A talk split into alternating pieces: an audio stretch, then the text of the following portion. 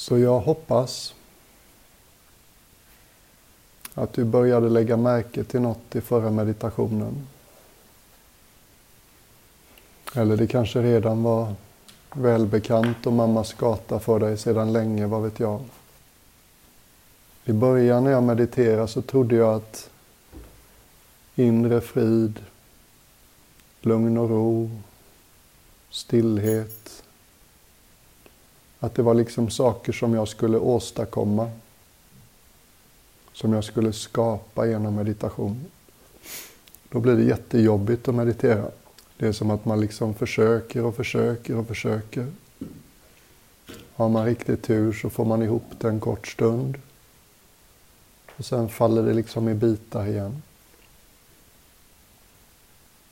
En gång i början av en meditation i Amerika på Garrison Institute. Östkusten, en timme med tåg norr om Manhattan. Ut med Hudsonfloden var vi ett par hundra som satt i ett före detta kristet kloster som hade blivit retreatcenter. Adyashanti började meditationen med att säga lugnet, friden, stillheten som du längtar efter.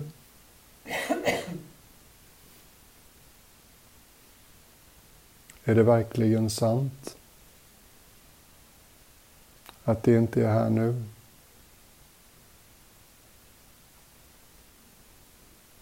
Ett helt annat paradigm.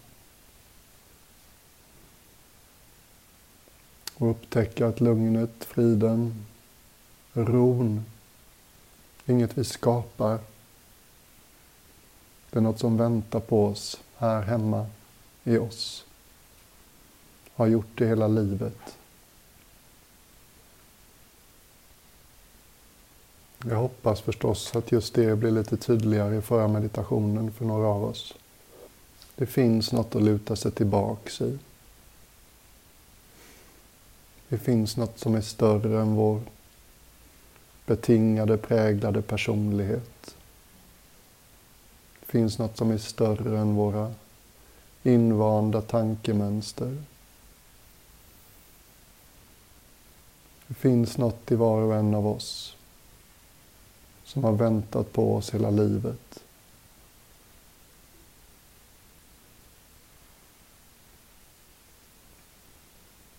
En annan gång i England på ett retreat, Madhya Shanti, höll han liksom ett introduktionsföredrag första kvällen och sa bland annat om du någonsin glömmer bort vad vi håller på med här på retreaten om du tappar tråden och känner dig vilse, förvirrad. Så har jag tre ord för dig. Rest as awareness. Vila som varsevarande. Mm.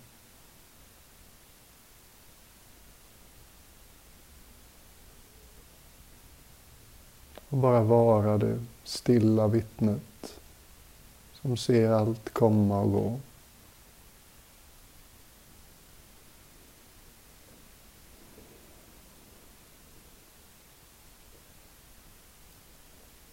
Det här är inget som man måste vara munk eller nunna för. Det här är inget man behöver ha en udda, arkaisk livsstil för. Det här är inte något man behöver ge upp pengar eller sex för. Det här är inte förbehållet ett litet fåtal.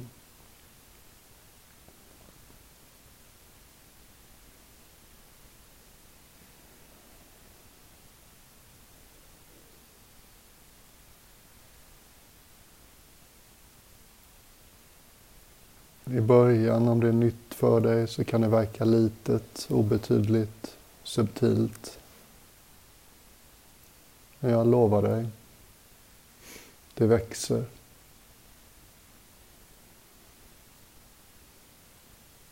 Tänk att du bär med dig liksom en viloplats överallt. Du har något du kan luta dig tillbaks i överallt hela tiden. Något som hjälper och ger dig perspektiv. Något som hjälper dig att inte bli fångad, hypnotiserad, identifierad med tankar som gör dig rädd eller ledsen eller arg, ängslig, ensam.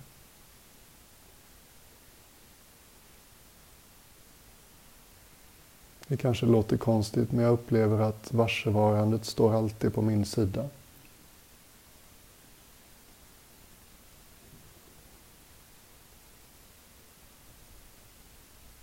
Det bedrar mig aldrig. För mig aldrig bakom ljuset. Talar aldrig osanning.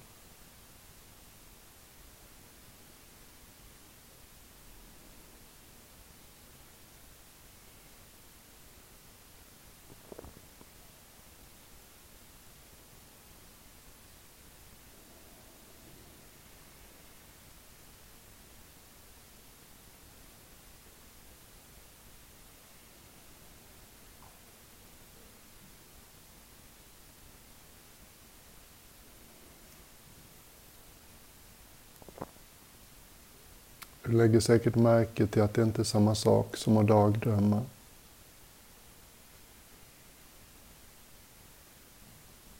Det är subtilt, absolut.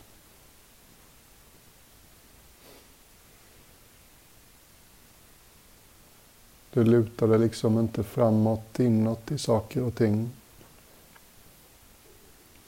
Du skyggar inte och drar dig tillbaka heller.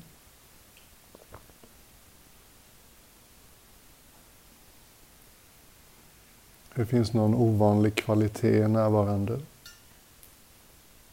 Som både är stilla och rörlig på samma gång.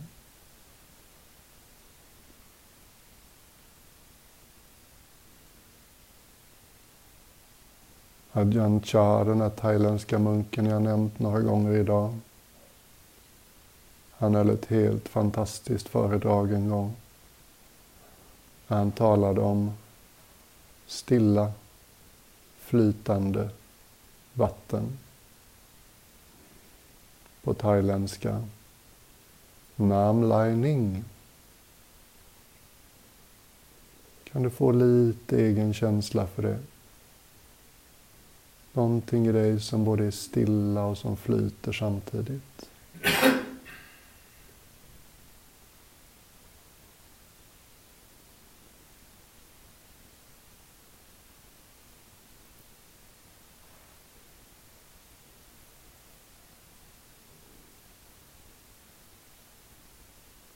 Någonting som ledigt och avspänt tar emot alla sinnesavtryck, sinnesintrycken.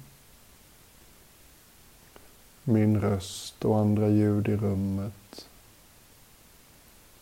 Tankar om vad som har varit och vad som kanske kommer.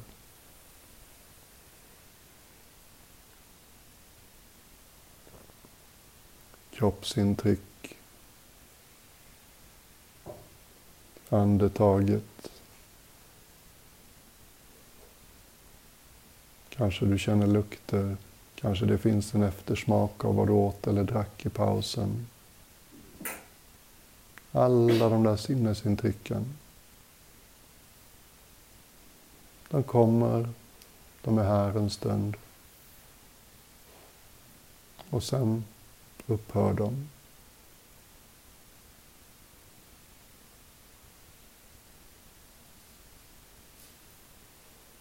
Och någonting är större än alla sinnesintrycken. Någonting i oss har plats för alla de här sakerna som kommer och går.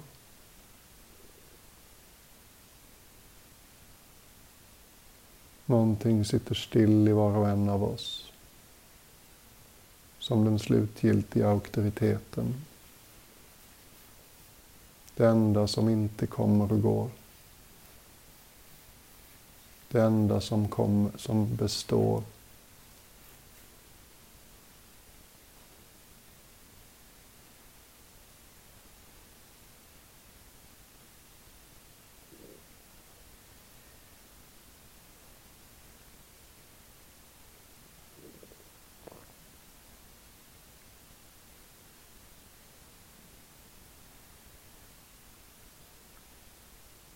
En av mina husgudar är en amerikansk kvinna som hette Byron Katie. Kallas ofta för Katie. Hon hade sitt uppvaknande efter en natt av djup förtvivlan. Somnade så småningom. Någonting hände under den här natten i den nattsvarta förtvivlan. Ett självhat som är nästan läskigt att föreställa sig. Och så skiftar något under natten. Och på morgonen när hon vaknar och öppnar sina ögon så upptäckte hon någonting.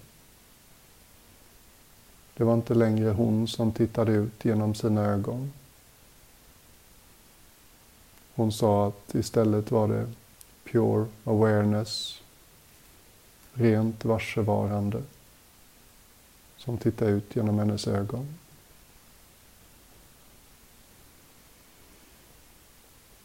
Hon hade släppt identifikationen med det lilla och fått full tillgång till det stora.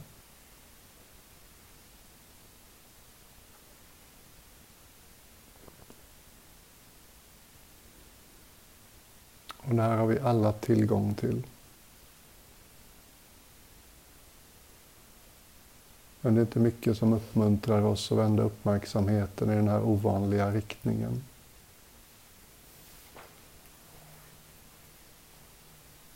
Vi lever i en väldigt extrovert värld.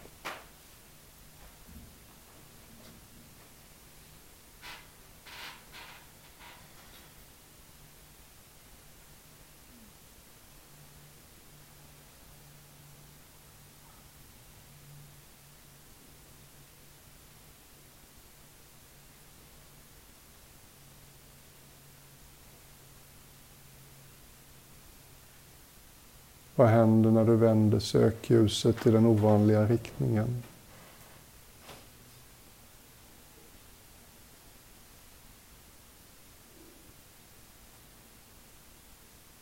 Vad händer när du inte längre går ut efter världen?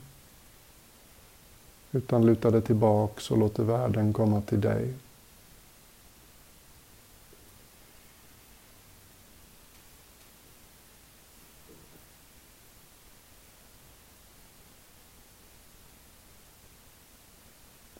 Vad händer när du inte exkluderar någonting i ditt medvetande?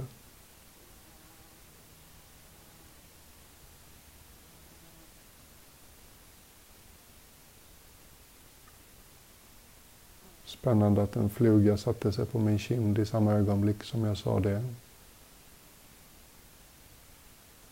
Mm. Det innebär inte att vi inte känner motstånd eller så kallade negativa känslor eller vad det kan vara. Men det får också vara med. Det är mer en känsla av att det är högt i tak hos mig. Allt och alla är välkommet hos mig. Jag är inte så liten som min präglade personlighet ibland tycker.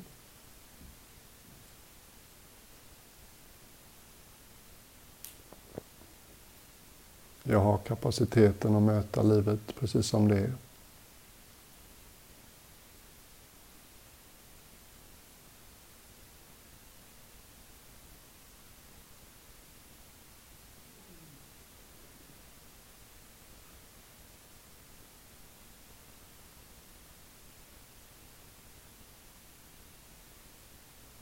Ibland är jag osäker på om jag ska prata eller vara tyst.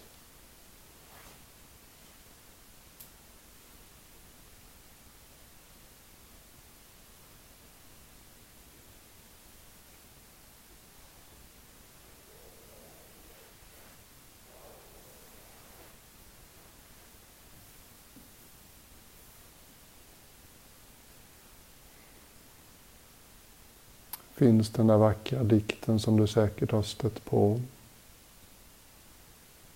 Den tillskrivs ofta Nelson Mandela. Det var en amerikansk kvinna som hette Marianne Williamson som skrev den.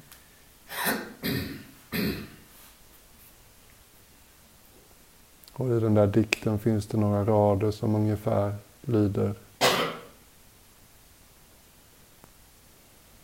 Det är inte vårt mörker vi är mest rädda för. Det är vårt ljus. Hur vore det om du inte var rädd för ditt ljus? Hur vore det om du inte var rädd för expansion?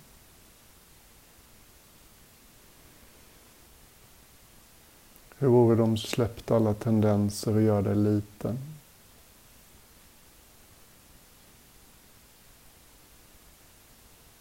Du klev in i din egen auktoritet. Din egen autenticitet om du vill.